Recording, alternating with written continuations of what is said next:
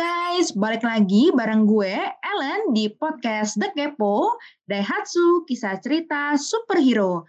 Hari ini kita akan bareng lagi sama Pak Johantri, ngelanjutin kisahnya di episode 19. Kemarin kan kita udah bahas nih perjalanan karir Pak Johantri yang berawal dari mekanik hingga sekarang menjadi workshop head di Astra Daihatsu. Nah, tapi nggak cukup nih sampai di situ aja. Kita pasti pengen tahu dong lanjutan kisahnya seperti apa dan kita akan lebih kaitkan pengalaman Pak Jo ini sebagai leader dan pasti banyak banget ilmu-ilmu baru yang teman-teman bakal dapetin di episode kita kali ini. Nah, kalau gitu, langsung aja nih Pak Jo, saya pengen tahu nih, mungkin boleh diceritakan pengalaman leadership Bapak selama di Astra Daihatsu saat menjabat sebagai posisi apa saja? Oke, Ellen, terima kasih. Uh, mungkin akan cerita sedikit lah ya terkait dengan leadership yang pernah saya terapkan di cabang atau di bengkel.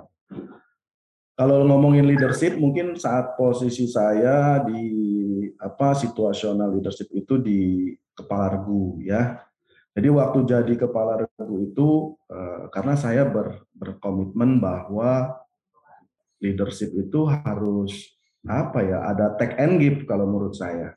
Jadi nggak selamanya kita minta gitu ya anak buah untuk mengikuti kita sementara kita tidak pernah memberi. Jadi waktu saya jadi kepala regu saya kumpulin tuh mekanik saya tuh dari delapan orang saya tanyain satu-satu apa harapan kamu ke saya? Apa yang kamu harapin buat uh, ke saya?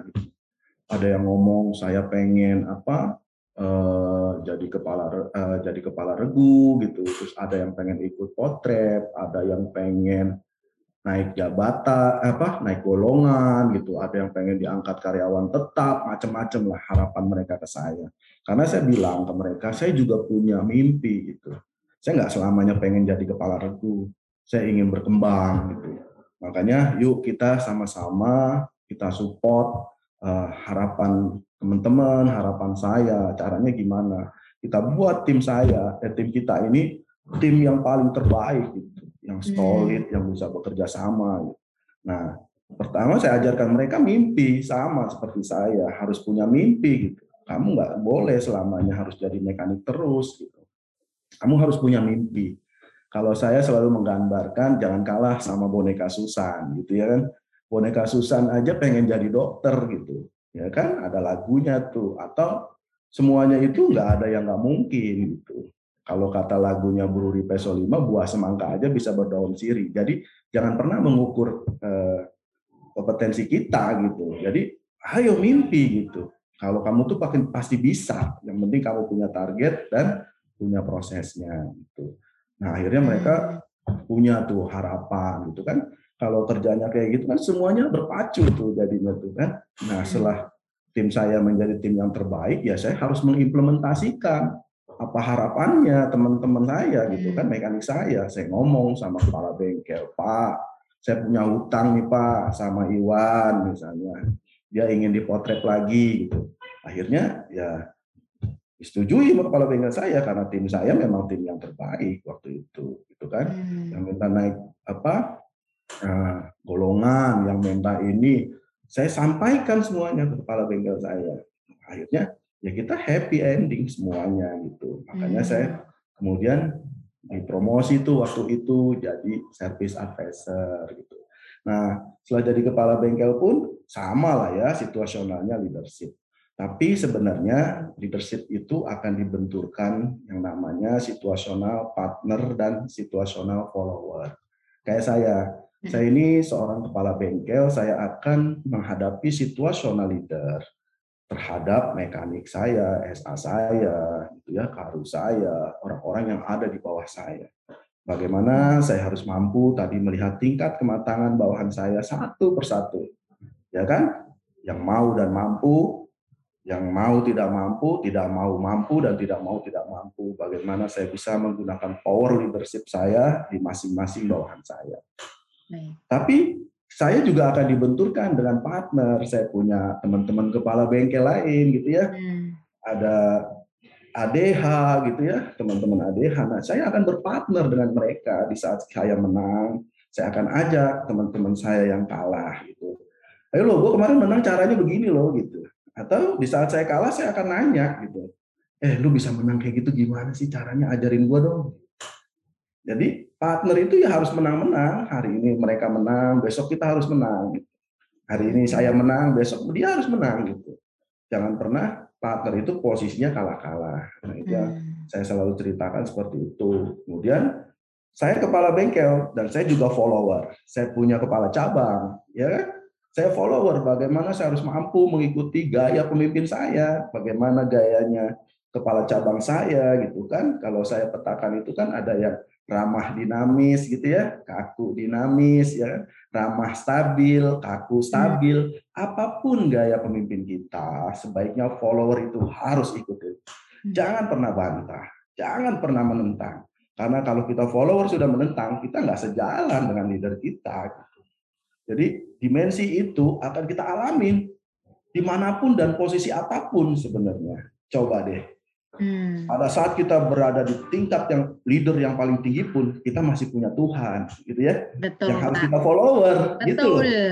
Nah, jadi semuanya itu dimensi itu kalau menurut saya dimensi tiga dimensi itu ya akan kita alami. Bagaimana kita masuk atau berubah-ubah bentuk menjadi situasinya seperti apa yang harus kita jalani. Hmm. Terasa itu sih Ellen.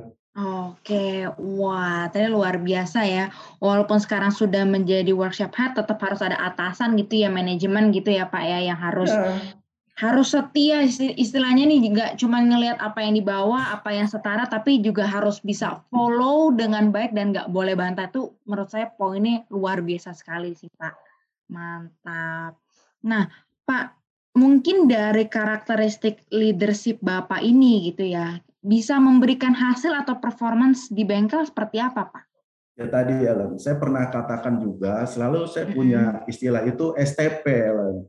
Waduh, apa tuh, Jadi Pak? Uh, eh, STP itu System, Tools, People, ya. Oh, Jadi di operation itu yang saya tahu itu bagaimana kita membuat people ini baik dulu, gitu, baik dulu. Hmm. Karena kita tahu lah, karena sistemnya bagus, toolsnya bagus, tapi people-nya nggak bagus, nggak jalan nih operation. Betul. Improvement sebagus apa pun yang kita punya, kalau orang-orang yang nggak mau ngejalanin kan percuma juga, Ellen, gitu ya. Betul. Jadi, ah, bagaimana kalau sistem di Astra Daihatsu saya yakinlah sudah bagus, toolsnya juga sudah memadai gitu. Tinggal bagaimana kita membuat orang-orang ini bukan takut dengan kita gitu ya, Ellen. Jadi bagaimana mau mengikuti karena motivasi yang baik itu bukan menyuruh orang untuk melakukan sesuatu untuk kita yang saya tahu gitu ya. Tapi hmm. bagaimana membuat mereka mau mengikuti dan melakukan sesuatu untuk kita. Itu baru namanya motivasi. Jadi eh, bagaimana kita memotivasi dengan cara-cara kita bercerita motivasi, cerita mindset gitu. Saya selalu cerita sama teman-teman itu yang pertama mindset positif gitu. Yang selalu saya hmm. ceritakan pernah tuh ada dua marketing. Ellen pernah dengar nggak nih cerita dua marketing? Oh, belum Pak. Bagaimana tuh Pak? Jadi ada dua marketing sepatu yang akan dikirim ke Afrika gitu ya. Mm -hmm. Ya kan? Mungkin udah pernah dengar. Kalau saya pernah dengar cerita itu lama, udah lama sekali.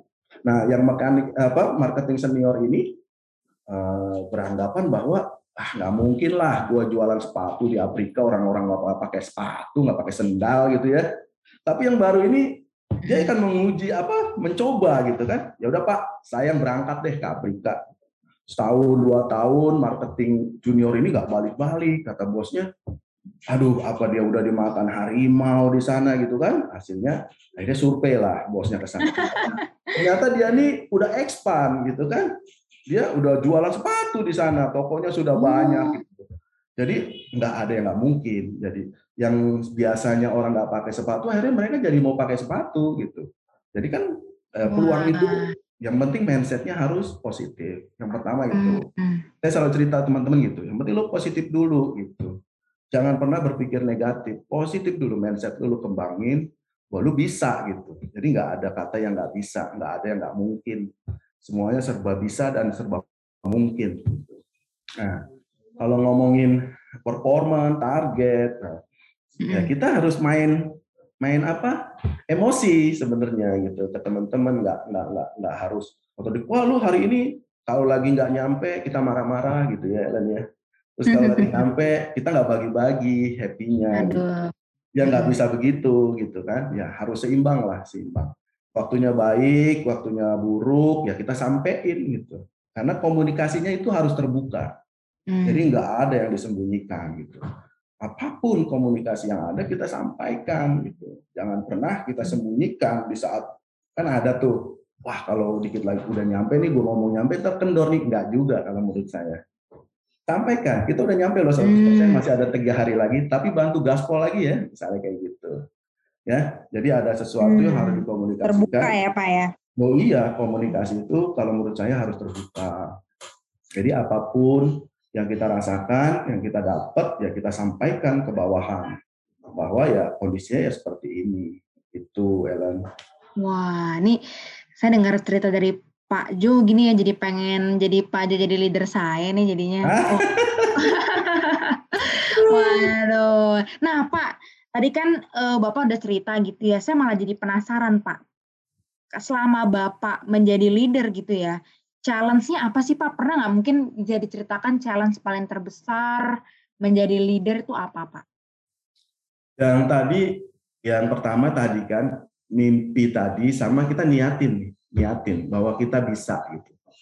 Oh. Saya pernah suatu hari itu saya nggak yakin bahwa apakah saya mampu gitu kan, pernah. Hmm. Tapi saya pernah, saya coba keluar dari situ uh, saya diskusi sama senior senior gitu ya. Hmm. apakah saya mampu gitu?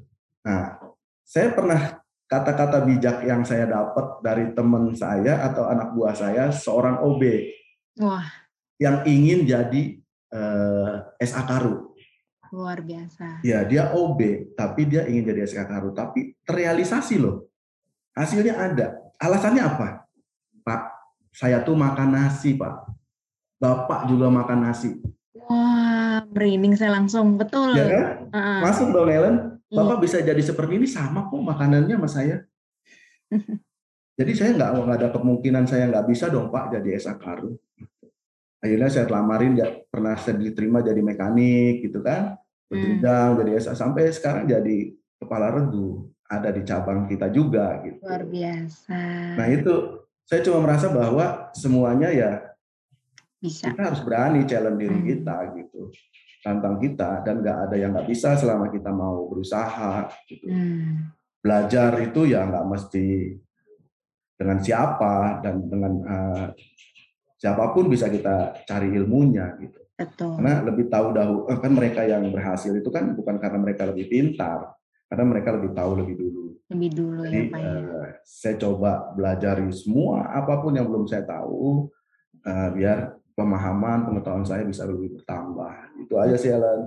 Wah, nih Pak Jo benar-benar maupun sekarang sudah menjadi workshop tetap harus belajar terus ya Pak ya. Iya, Ellen. Betul. Nah Pak, menurut Bapak apa sih arti dari seorang leader menurut versi Pak Johantri? Kalau di era sekarang itu menurut saya leader itu bukan yang sekedar tunjuk ya mm. sekedar perintah yang duduk di belakang meja gitu ya, mm. otoriter gitu ya, yeah. yang taunya semuanya beres. Jadi seorang leader itu harus mampu melihat uh, titik talenta setiap titik talenta bawahannya dari yang tukang sapu istilahnya gitu ya sampai mm. dengan yang berdasi gitu.